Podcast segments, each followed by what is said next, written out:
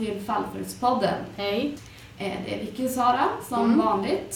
Surprise, surprise. Eh, innan vi börjar prata och presentera oss och eh, presentera avsnittet så tänkte jag passa på att säga att vi har börjat vlogga, Yes. alltså videoblogga. Eh, så håll utkik på vår Facebook-sida om ni vill ha lite sneak previews till andra avsnitt. Eller bara få känna av stämningen i studion här. Mm. Eh, Det har varit lite av en jobbig dag så jag bitchar loss i ett blogginlägg. Totalt. Ja, definitivt. Ehm, men då börjar vi väl. Ehm, jag heter Sara i alla fall, som sagt. Och jag är 26 år.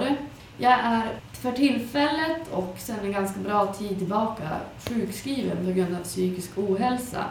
Eh, Jag har varit och försökt plugga och jobbat lite grann tills jag blev utbränd och flyttat runt både i utlandet och inom Sverige. Men eh, sen kraschade jag för sista gången och jag åkte tillbaka till hembygden Skellefteå.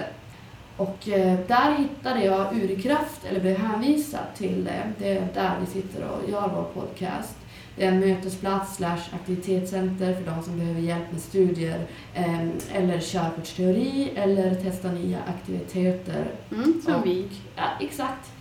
Ehm, och där teamade jag ihop med Vicky för att göra en podcast, ett helt nytt projekt som vi aldrig gjort tidigare, Mhm. om, om just det som är relevant i vårt liv och som vi kan en del om, vilket är psykisk ohälsa. Mm. Vill du berätta lite om dig? Ja, nu har jag kommit ut ur åldersgarderoben så nu ska jag avslöja att jag är 41 år gammal.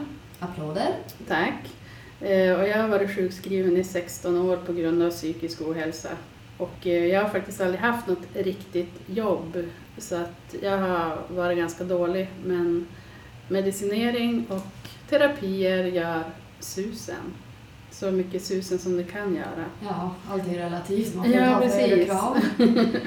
Och jag har också flyttat runt en del, men bara inom Sverige. Och pluggat lite grann och misslyckats lite grann och sådär. Eh, och dagens ämne ska handla om frivillig barnlöshet. Mm. Vi är uppe i, i nummer 10. Yes. Och varför ska vi göra det här avsnittet då? Jo, det är ganska tabubelagt faktiskt att prata om barnlöshet eller frivillig barnlöshet, speciellt när man börjar vara i min ålder, som 41 som sagt. Och jag har känt av lite fördomar från omgivningen och så. Men du skulle börja prata lite grann om dig. Ja, som ni vet så är jag 26 år och så då är jag i ett helt annat stadie i livet och jag har inte haft de här problemen som Vicky har varit med om. De här frågorna, varför Mm. du inte har barn, spekulationen, snack bakom ryggen eller allmän förvirring och press. Det är inte så förväntat att man vid 26 år ålder ska ha barn. Om än jag vet av flera i min ålder och yngre, betydligt yngre, som har skaffat barn. Eh, Men det kommer jag i alla fall gå in på senare. Sen, jag har ju inte heller varit i ett sånt här långvarigt förhållande och ens varit sambo med någon så det, frågan, väggfrågan har aldrig kommit upp varken av min respektive andra eller omgivningen. Nej, jag har faktiskt haft två längre förhållanden, ett på sex år och ett på sju år kanske. Men barnfrågan har aldrig kommit upp där heller, kanske för att jag har haft starka åsikter alltid om att jag inte har velat ha barn. Och är det någon som har velat ha barn så har jag sagt att ja, då får ni skaffa någon annan jävla tjej då, Mm. typ. Ett nytt adelsord. Ja. och varför vill- jag inte ha barn då? Ny definition av det här eh, uttrycket, du vill bara ha mig för min kropp. Precis. Jag vill bara ha mig för min livmoder. Ja, Mm. Och varför jag inte vill ha barn, det jag har aldrig varit intresserad av att ha barn. Jag har aldrig varit intresserad av att sitta barnvakt. Jag kanske har gjort det två gånger i mitt liv när jag var liten. Och så lever jag som sagt med psykisk ohälsa. Jag är bipolär, alltså manodepressiv. Och då är man ju på topp ibland och på låg, låg botten ibland. Men då var det en eh, kompis till mig som sa att hon tyckte att jag skulle skaffa barn för då skulle jag bli frisk. Och det är ju också ett sätt att se det på. Ja, de orden kan man aldrig ta tillbaka. Nej, det kan hon inte. Men jag vågar inte skaffa barn typ. Om jag nu skulle vilja ha barn så skulle jag inte våga för att skicka en unge skitig på skolan liksom och Nej men mamma hon ligger hemma under ett täcke i soffan och jag har inte pratat med henne på tre dagar. Mm. Det går ju inte. Eller också, mamma hon tapetserar väggarna på, det, på taket. Typ så hon har inte tid att ge mig mat. Det går inte heller. Nej. Nej, och så vet jag inte hur man hanterar barn.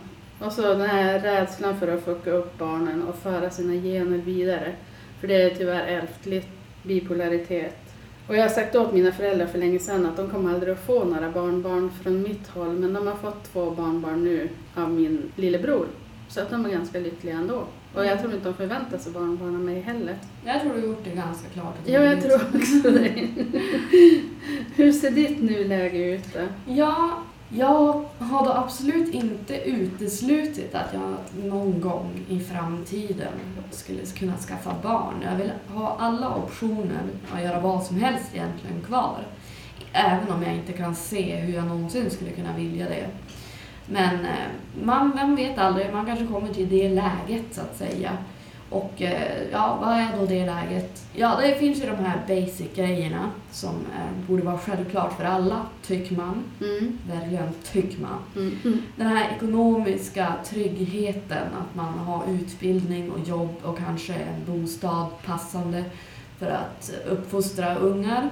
Eh, sen såklart så måste man ju ha en stabil kärleksrelation som man helhjärtat tror på och som man kanske har varit i under en, ett så pass långt tag. Man har sett deras brister och deras fördelar och man vet att man tror på att de också skulle kunna vara en bra förälder och allt sånt där.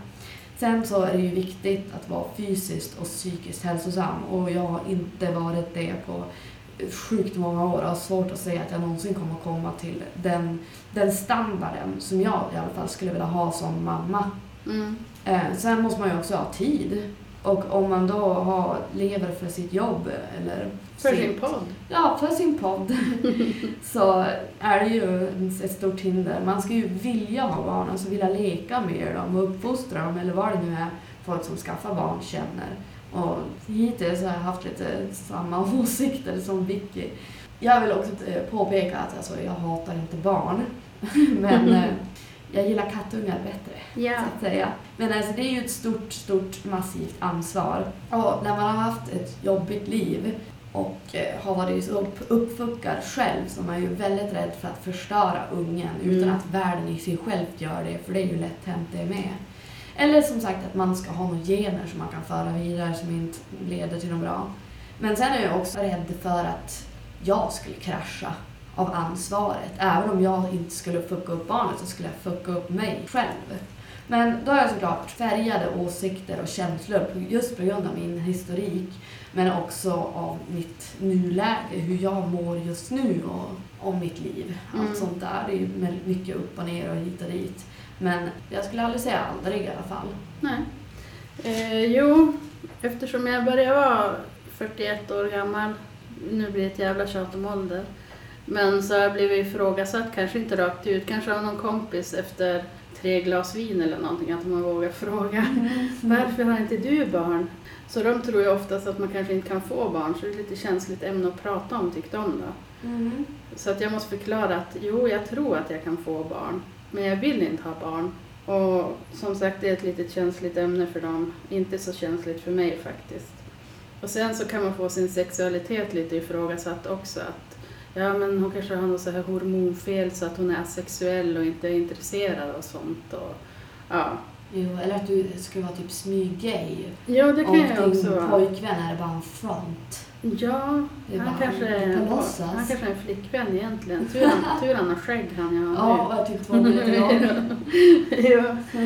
Och så en, de värsta grejerna som man blir ifrågasatt av, eller folk kanske tänker det mer, det är att jag är en elak människa som inte gillar barn.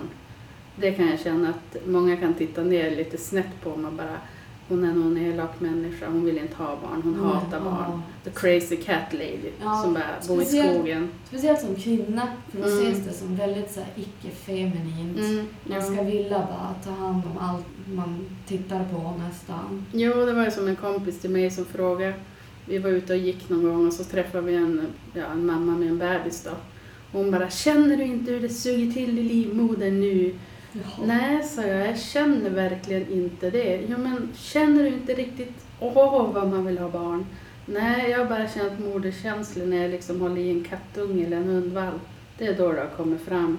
Undrar om det är så de känner. De måste ju göra det. Ja, alltså jag förstår inte det suget i livmodern, hur det känns, men jag har aldrig känt det. Sen jag menar, Kattungar de är lurviga och små. Ja, och jamar så gulligt. Barn är smutsiga och skriker. Jo, nej, men de säger att bebisar luktar gott men Ja. jag vet inte, jag brukar inte vara så nära bebisar. De skriker bara när de ser mig. Det är deras fel, inte vårt. Ja, jag tycker det. Och sen, jo, en grej som de kan tycka också är att jag är väldigt självisk som inte vill skaffa barn. Att, nej, men hon vill ha tid för sig själv, hon är bara helt uppe i sig själv. Hon kanske, nu har jag ingen karriär som jag satsar på direkt men, ja, men att de kan tänka så istället. Jag skaffar inte barn för att jag har inte tid, jag har inte lust och jag har inte ork. Det är väl kanske lite så. Ja. Men jag känner mig inte självisk. utan Nej, jag men känner mig bara...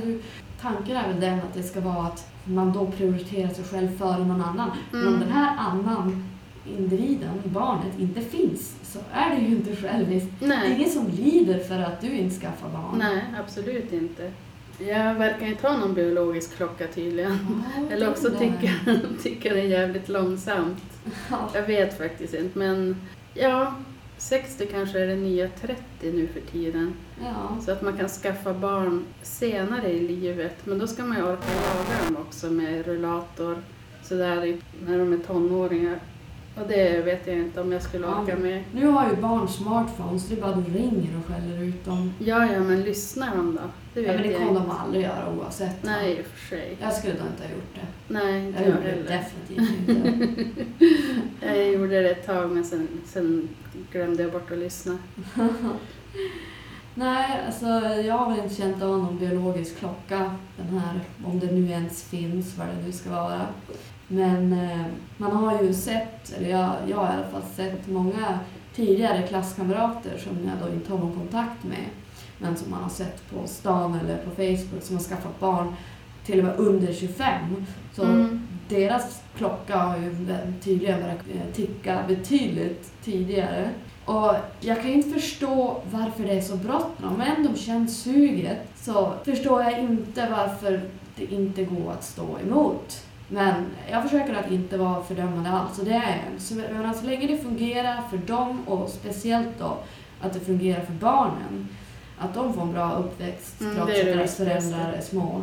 Det är det som spelar någon roll. Mm. Och jag är för pro-choice. Men eh, min teori i alla fall, om eh, varför de har valt nu att skaffa barn och jag inte har gjort det. Det är väl att ja, men de kanske inte har samma ambitioner i livet. Att hitta en karriärstege och klättra den. Eh, Jag hoppas väl att jag är på väg någonstans dit. Mm. Men ännu inte nått toppen så att säga. Och även om man kan såklart ha en karriär och ha barn så är det ju, gör det ju saken väldigt svår. Speciellt när man är på botten av den stegen. Och man kan ju inte ha hunnit så himla långt i den åldern. Och så sen är det ju här att de kanske inte har samma behov som jag att vara så här lite wild and free och resa runt och prova nya grejer och sova ut hur länge jag vill och allt sånt där som blir svårare när man är förälder. Mm. Men eh, det är lite svårt att relatera samtidigt för mig eftersom att jag har ingen nära vän eller något sånt där som har barn. Jag har inte haft något mycket att göra med dem, vem vet? Om jag skulle vara nära ett barn då kanske min klocka skulle börja ticka. Oh, shit, ja. Och det, det är någonting jag kom på. Gud, tänk vilket så här läskigt moment om det visar sig att jag har en så här galet stark klocka, den är bara lite senare än andra och den kommer börja ticka 190 slag i minuten och jag bara blir galen och skaffar barn trots mitt bättre vetande om situationen. Åh gud, det känns läskigt men jag, ska, jag nojar upp mig bara för det. Ja, det behöver är okända. Men samtidigt, det tänker jag bara passa på att kasta in medan jag kom på det. Mm. Med tanke på att vi har de här scenarierna, what if och tänk på alla farhågor, så kanske vi skulle vara de bästa föräldrarna ever.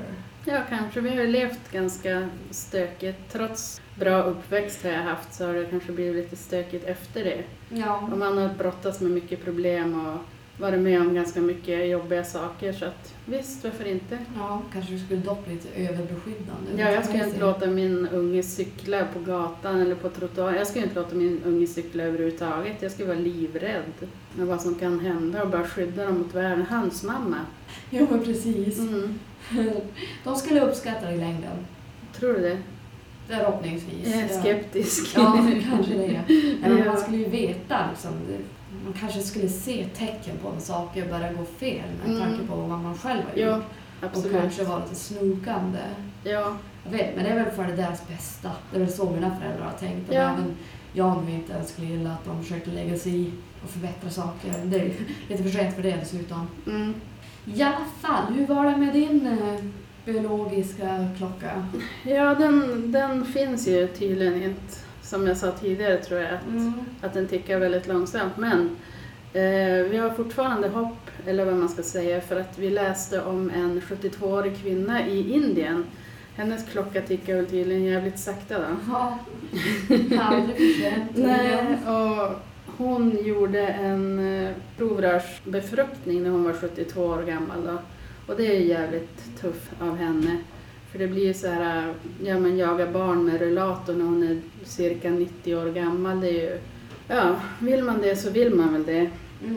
Men i Sverige så rekommenderar man att över 45 då ska man inte hålla på med IVF-behandlingar utan då ska man vara klar. Ja, det finns väl säkert flera skäl. Bland annat Mm. att det kanske är väldigt liten chans att det funkar. Men sen är det ju det där att tänka på vad som är bäst för barnen. Nog för att vi blir ju äldre och äldre, säger de i alla fall. Mm. Att vi lever hälsosammare.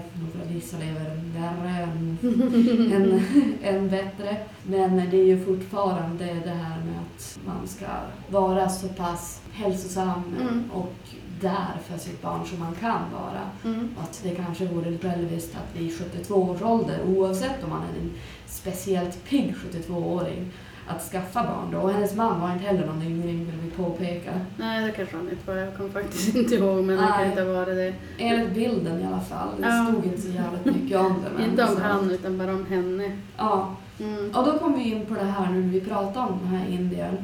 Om det här med att skaffa barn av fel skäl Mm. och med dåliga förutsättningar. Mm. Vi har ju tagit upp lite exempel på förutsättningar som jag tycker borde vara självklara. Och så har vi de här exemplen på fel förutsättningar och dåliga skäl. Mm. Och man har ju hört, nu känner inte jag någon personligen så, men eh, att folk skaffar barn för att rädda relationer. Att de tror att det kommer att bli binda dem närmare varandra eller vad det nu ska vara. Eller distrahera dem från att bråka med varandra och bråka om barnet istället. Jag vet inte riktigt det där men... Alltså sen har vi ett annat exempel att folk kan medvetet, hemligt göra den andra gravid eller att tjejen då typ sticker hål på kondomen och gör sig själv gravid för att tvinga personen att stanna i ett förhållande för att försöka få det att funka för barnets skull. Men även om kanske bara behålla människan i sitt liv. Det är ju en livscommitment så att säga. Ja, det är det. Och om folk ska påstå att det är själviskt att inte skaffa barn, vilket Mm. jag tycker är en helt psykotanke. Mm. Men då kan man ju säga att det är ju alltså definitionen av själviskt och oansvarigt för barnet och för den andra partnern. Alltså.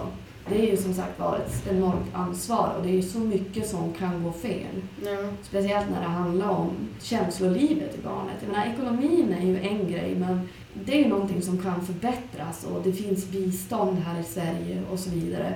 Men är man uppfuckad känslomässigt och psykiskt då är det betydligt svårare att bli frisk. Och det, då blir det ju, kan det bli den här butterfly-effekten också. Att dålig uppväxt, dåligt känsloliv, barnet kan skada sig själv men även andra och komma att bygga vidare på den här traditionen att skaffa barn utan att veta vad egentligen man borde göra för att ge barnet ett stabilt psyke och allt sånt där. Mm. De har ju snackat om att man ska ha körkort för att skaffa hund.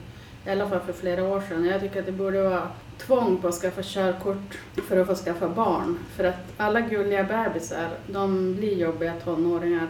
Och de ska man försöka fostra till ansvarsfulla, självständiga vuxna. Och det tänker folk sällan på när de skaffar de där gulliga bebisarna. Vilket jag tycker jag tycker inte om bebisar. Jag tycker att bebisar är fula och tråkiga. De blir roligare sen med åren, men just bebisar, nej, det är inte min grej.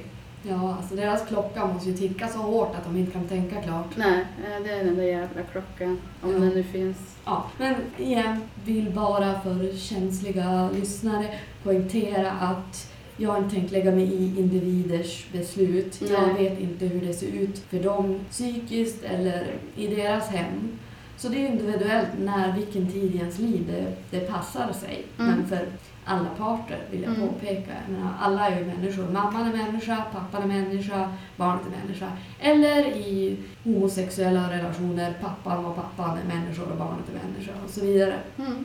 Men ja, vad gäller det där med körkort, eh, nu menar vi ett vanligt körkort, men det är som Vicky sa då, att de borde tvingas gå kurser i Oh ja. alla, alla stadier av den här individens liv. Inte Mm. bara hur man liksom byter blöjor och tröstar barnet utan ja, men kurser i hur man förhåller sig till en treåring, en femåring, en tioåring, tonåren eller en ung människa och sen senare i livet, jag menar man är ju bunden till den här människan så länge båda lever. Föräldraskapet slutar ju inte då människan är 18, även om man tekniskt sett inte är då längre ansvarig. Men eh, man skulle ju också kunna göra en jämförelse med det här med att eh, folk som vill adoptera, då är det ju så höga krav Ja. och lång process innan man får godkänt för att adoptera och det är ju skitbra. Och man kan ju se det då som orättvist att folk, vem som helst ska ju välja att ha barn. Ja, de kan ju bli fråntagna men det krävs ändå en del för det. Mm. Men det är ju ett väldigt känsligt ämne och svårt moraliskt. Att vem ska bestämma vem som är en lämplig förälder? Mm. Precis. Men som sagt var, obligatoriska kurser är väl det minsta man kan göra. Och om inte personerna är villiga att genomgå kurser för att barnet ska må bra och att de själva ska må bra, då är ju deras prioriteringar helt fel. Jo, absolut. Det där med adoption, att det är så lång process. Det är både så här, de utreder ekonomin och de ska kolla om de har ett stabilt förhållande, hur länge de har varit tillsammans. Och jag vet inte om de måste göra psykutredningar också, jag har faktiskt ingen aning. Säkert. Jag har aldrig kommit till den punkten. Ja. Men jag tycker adoption är ju, det är ju kanske lite bättre än att skaffa egna barn för att man gör någon slags god gärning i alla fall. Det finns så mycket barn här i världen som behöver föräldrar. Mm, det är sant. Och så sen slipper man ju den här nio långa månaders psykosen som jag skulle ha. Jag skulle verkligen ha en psykos i nio månader. Det skulle varken gynna mig eller barnet i min mage. Eller din pojkvän. Eller min pojkvän. Nej. Och sen måste man... nej. Och Man måste ju ändå uppfostra de här barnen till en vettig, empatisk människa. Oh, ja. Ja, för att jag tycker ju att barn är egentligen små monster som är väldigt ego. Så man måste lära empati och så vidare. En treåring, det finns ju inget annat än han själv i hela världen. Mm. Hjärnan har inte vuxit klart. Nej, precis. Och man lär sig ju mer alltså, empati och sympati ju äldre man blir. Mm. Det har vi sagt i något tidigare avsnitt. Det där om, vi hade ett avsnitt om utanförskap Ja. och hur jobbigt det är, speciellt i uppväxten, med mobbing och vänner och fiender och att Mm. liksom, det tar tid att göra en ordentlig människa. Det är inte bara hjärnan som ska växa, det är erfarenheter och upplevelser. Mm. Men eh, nu har vi ju pratat lite grann om negativa aspekter så att säga av att skaffa barn, eller våra farhågor. Mm. Men det finns ju den här andra sidan av myntet, vad som är negativt med att inte ha barn när det väl blir för sent då. Mm.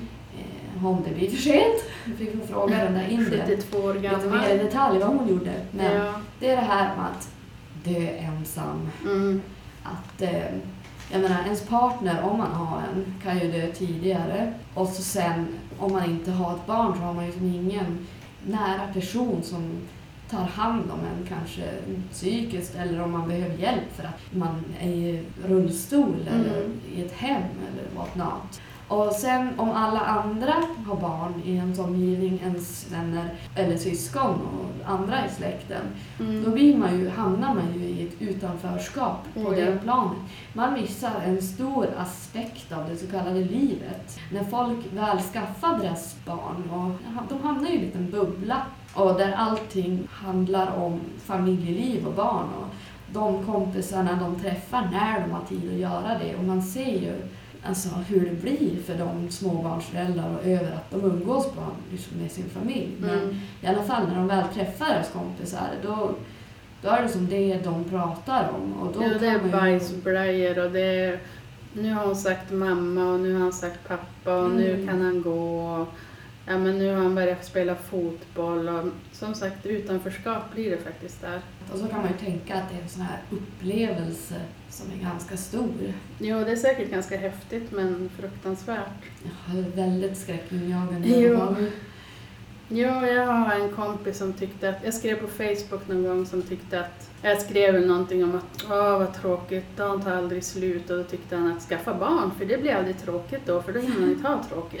Tråkigt versus traumatiserande. Ja, och jag måste faktiskt nämna att jag faktiskt har levt med barn också.